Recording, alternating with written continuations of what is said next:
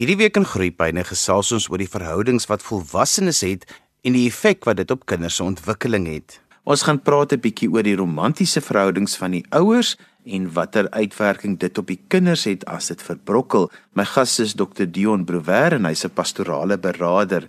Dion, kom ons begin die gesprek by die verhouding, die romantiese verhouding van die ouers. Hoe impakteer dit die kinders se ontwikkeling? Johan, Kinders is baie baie sensitief soos ons almal weet en hulle tel enige tekens op van liefde, van ehm um, aggressie, van uh, nabyheid, van afstand. So, as ouers dus in 'n liefdevolle verhouding met mekaar is, dan is daar mos nou baie tekens wat mens nie noodwendig altyd bewus is van nie, maar wat in die milieu van die huis leef. En dit gee vir kinders 'n uh, eh, baie sekuriteit. Nou ons weet almal dat kinders soek sekuriteit, kinders soek liefde en kinders soek versorging. Dit is die basiese behoefte van enige kind se ontwikkeling en dit gee ook vir kinders dan die veiligheid om die binding met die ouers te maak en ook die voorbeeld te neem van hoe lyk dit as 'n mens in liefde met mekaar omgaan, met mekaar praat. Dit lê in jou liggaamshouding, dit lê in jou stemtoon dit lê in die woorde en die taal wat jy gebruik. So ek sou dus sê dat die romantiese liefdesverhouding is natuurlik 'n belangrike saak. Uh ek ek dink ook net 'n mens moet daarmee verstaan dat dit gaan nou nie oor die verliefdheid nie. Dit gaan oor 'n liefdesverhouding wat ook op 'n 'n amoreuse erotiese uh, vlak lê as dit is wat jy vir my vra. Dion, maar dan verander die romantiese verhouding wanneer daar 'n uh, ouerskapsverhouding bykom, met ander woorde wanneer die kinders bykom, dan is die romantiese verhouding baie keer onder druk, maar daar's dan twee verhoudings wat binne een pot ingeroer word. En dit bring altyd 'n ander dinamika na die liefdesverhouding toe, maar ook na die ouerskapsverhouding toe. En dit is baie kompleks. Ek dink dat wanneer kinders in 'n gesin inkom, dan het dit mos nou uiteraard 'n invloed op die dinamika omdat daar 'n 'n heeltemal 'n nuwe lewe in die gesin inkom en in binne die sisteemteorie kom daar 'n 'n nuwe entiteit in. Nou dit gebeur waarskynlik baie vroeg wanneer ouers besef dat hulle swanger is met 'n eerste kind en so ook met 'n volgende kind en 'n volgende kind want elkeen bring 'n eie dinamika. Jy sê dat die die verhouding verander. Ek stem saam. Dis nie noodwendig dat die liefdesverhouding verander nie, maar dat die verhouding dikwels baie stres moet neem as as daar kinders kom want hulle moet hulle hele dinamika moet hulle anders definieer. En ons is nie altyd voorberei vir wat kinders van ons verwag en wat wat kinders van ouerskap vra nie want nommer 1 daar word geweldig baie van jou tyd geneem. Die hele dinamika die die ma het dalk gewerk en watter rolle daar word uh, die die rolle is nou ook verander. So dit is inderdaad so dat dit 'n uh, stremming bring uh op 'n uh, huweliksverhouding. Ek wil nou nie sê die liefdesverhouding noodwendig nie, maar dat dat ouers moet baie bewustelik oplet daarna oor wat gebeur met hulle huweliksverhouding wanneer hulle daar 'n kind of of nog 'n nog 'n kind in die in die gesin inkom. Dion, wat is die verskil tussen die verhouding wat jy met jou kind het, met ander woorde of jou kinders het, die ouerskapsverhouding en die verhouding wat jy met jou lewensmaat of jou geliefde het? Genade Johan, ek dink daar's 'n hemelsbreë verskil. Volgens my word die lewe op 'n manier gereguleer deur verhoudings en ons staan in baie baie verskillende verhoudings.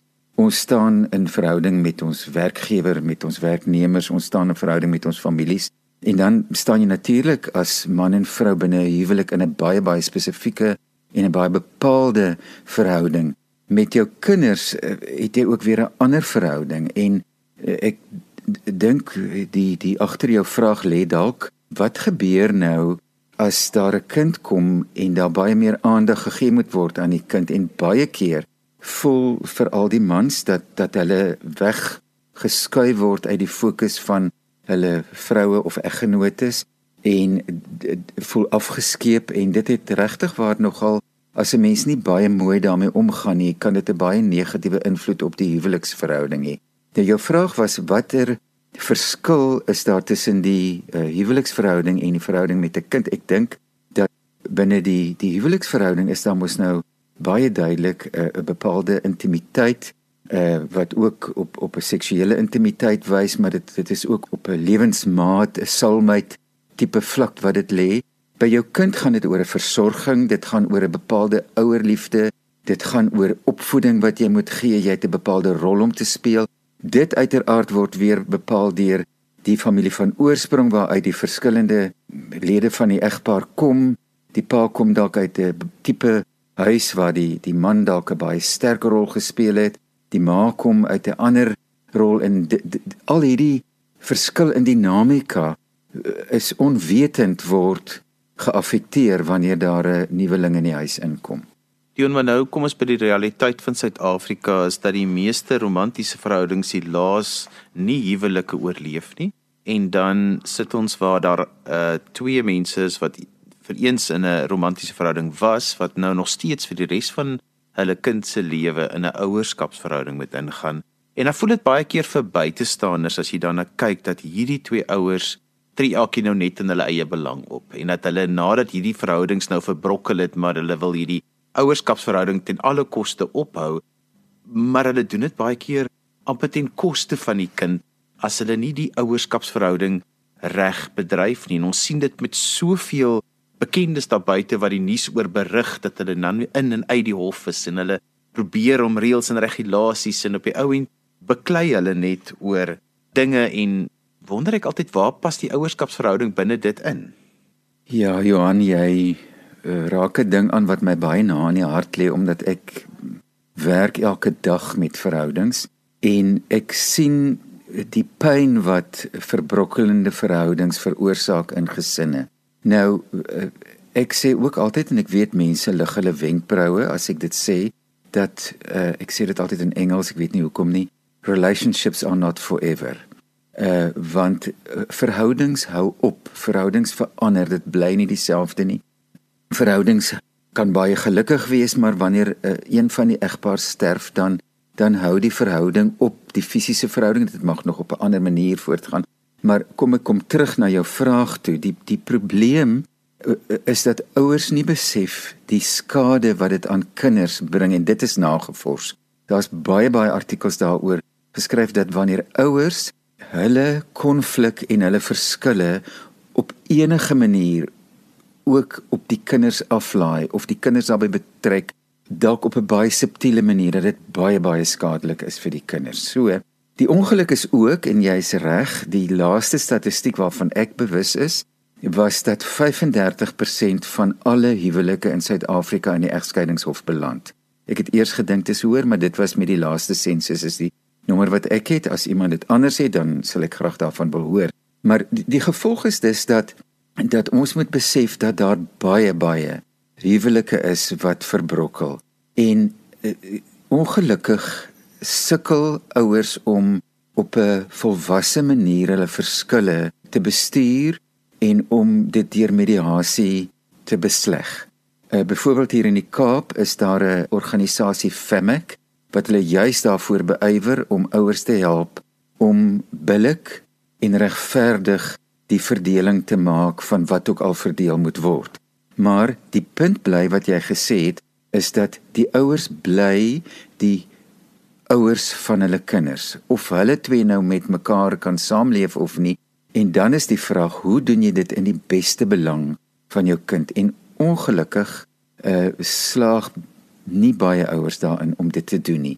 Ek weet nie of ons dalk bietjie verder daaroor moet gesels nie baie keer is nou ongelukkig baie keer ook maar die paas waarmee mense praat dan jy staan so met braaivleis vuur en jy weet hulle gaan nou deur 'n egskeiding veral in die deel wat hulle met die egskeiding nou nog besig is en dis prokureurs en al hierdie tipe van dinge dan sê hy altyd vir jou maar ek sukkel om my kinders te sien. Nou wat ek nie lekker kan verstaan nie is altyd as jy die ouerskapsverhouding en jou kind se beste belang op die hart het dan is dit mos nou soos die navorsing sê ons moet hierdie so vreedsaam as moontlik doen. Ons moet optree in belang van die kinders, maar wat vir my interessant is, die party wat baie baie seer gekry het in die romantiese verhouding is baie keer ook wat ek net nou maar opmerk, die ene wat dan op 'n manier toegang saboteer.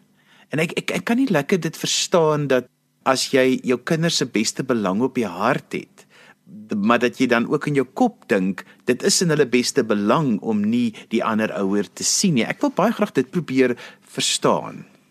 Johan, ek kan ook maar net vanuit my perspektief praat.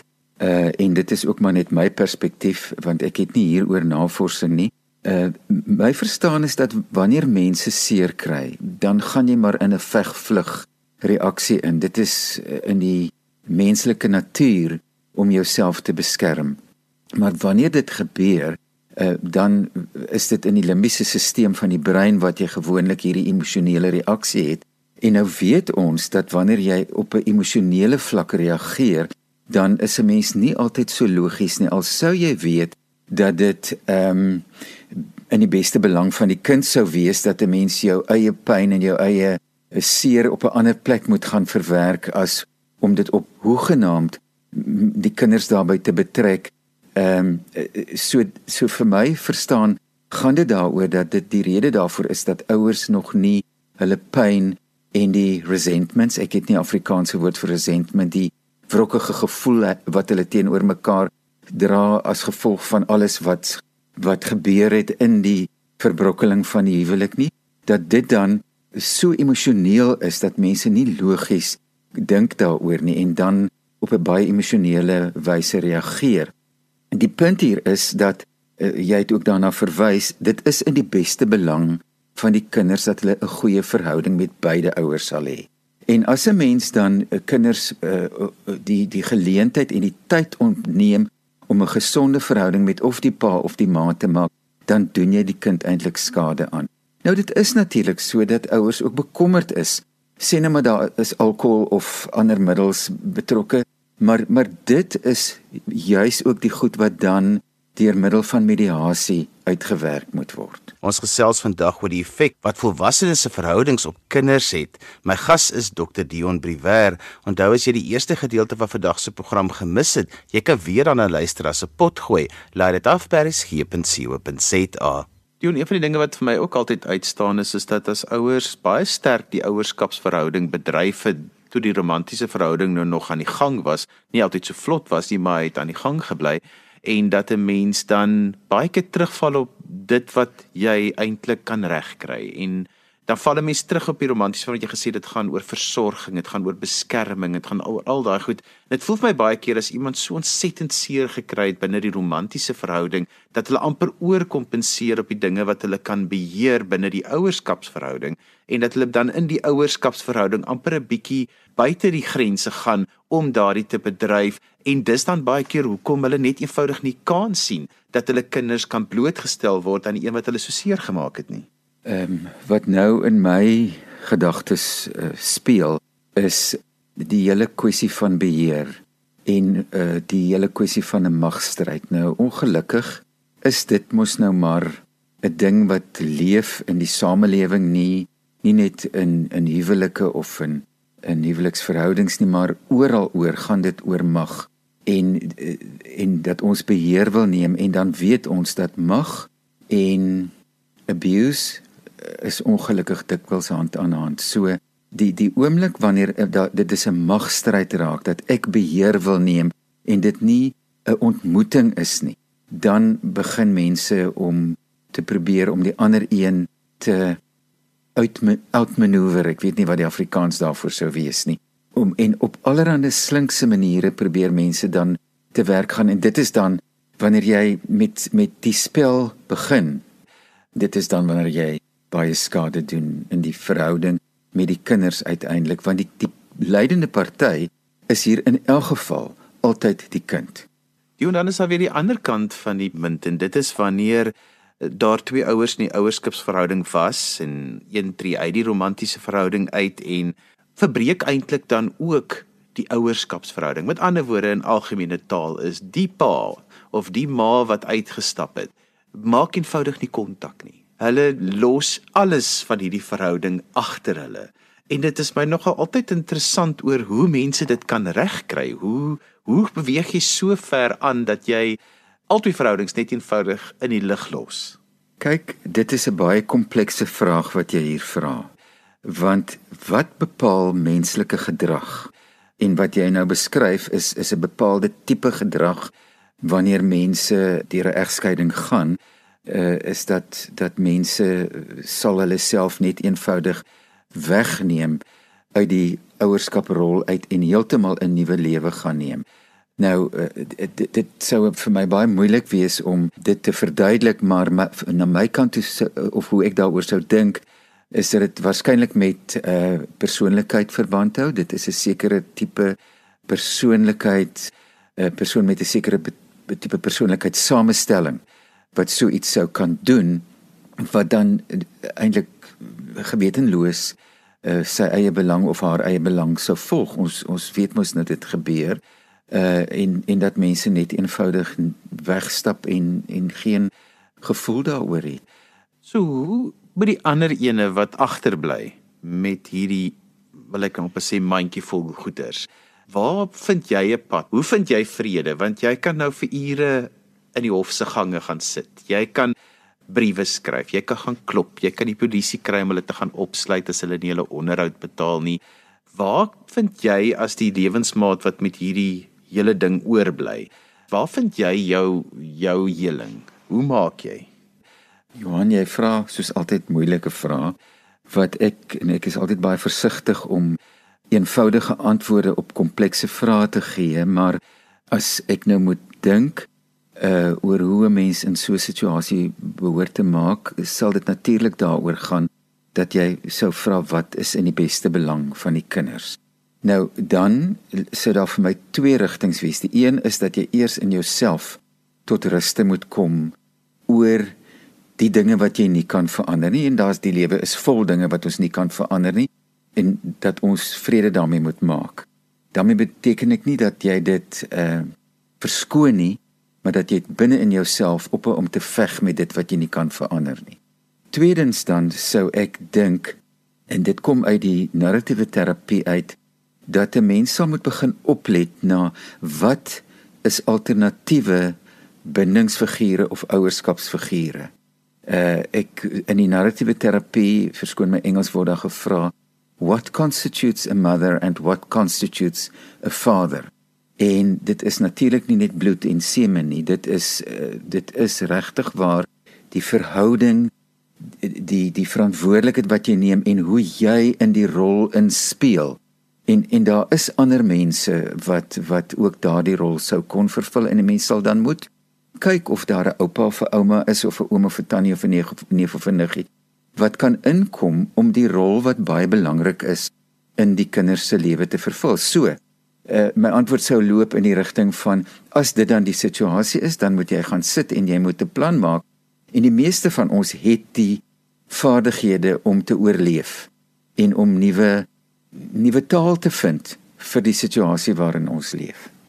Dion ek wil nou 'n groot sprong maak want ek weet in jou spreekkamer kry jy baie keer te doen met mense wat daar kom sit en dan gaan hulle terug na hulle kinderdae toe en hulle kom by hoe hulle die egskeiding ervaar het. En dan praat hulle daaroor, wat sê hulle sou dit vir hulle anders gemaak het as hulle daardie tyd aan wat sou wat het hulle van hulle ouers verwag in daardie tyd? Uh, weer eens wil ek nie veralgemeen nie. Ehm um, ek dink daar is baie individuele verhale, maar iets wat sterk vir my uitstaan is dat ouers wat uit geskeide huise uitkom ten alle koste wil verhoed om te skei. Hulle hulle sal werklik waar uh alles in die stryd werp om om nie daai pad te loop nie omdat hulle self so seer gekry het wat ek dink baie moeilik was is wanneer daar baie konflik in die huis was waaraan hulle blootgestel is. Uh nie dat ek dink dat mense nie ook moet leer dat dat daar konstruktiewe maniere van konflikhantering binne 'n uh, huweliksverhouding is nie, maar dat dit baie keer baie negatief en destruktief was. En dat dat mense vir my sou sê dat die die feit dat my pa abusive teenoor my ma was of dat my ma uh in baie pyn was of dat die ma die pa nie gehoor het nie. Met ander woorde dat daar nie kommunikasie was nie, het vir hulle dit baie baie moeilik gemaak.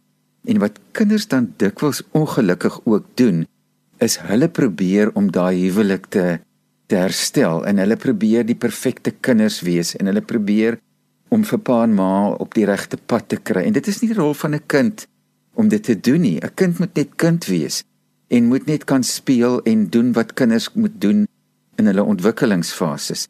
So dit dit lyk vir my dat die negatiewe wat kom uit uh, geskeide huise is wanneer die egskeiding met baie konflik gepaard gegaan het. En so gesels Dr Dion Briwer en ons het vandag gesels oor die effek wat volwassenes se verhoudings het op kinders se ontwikkeling.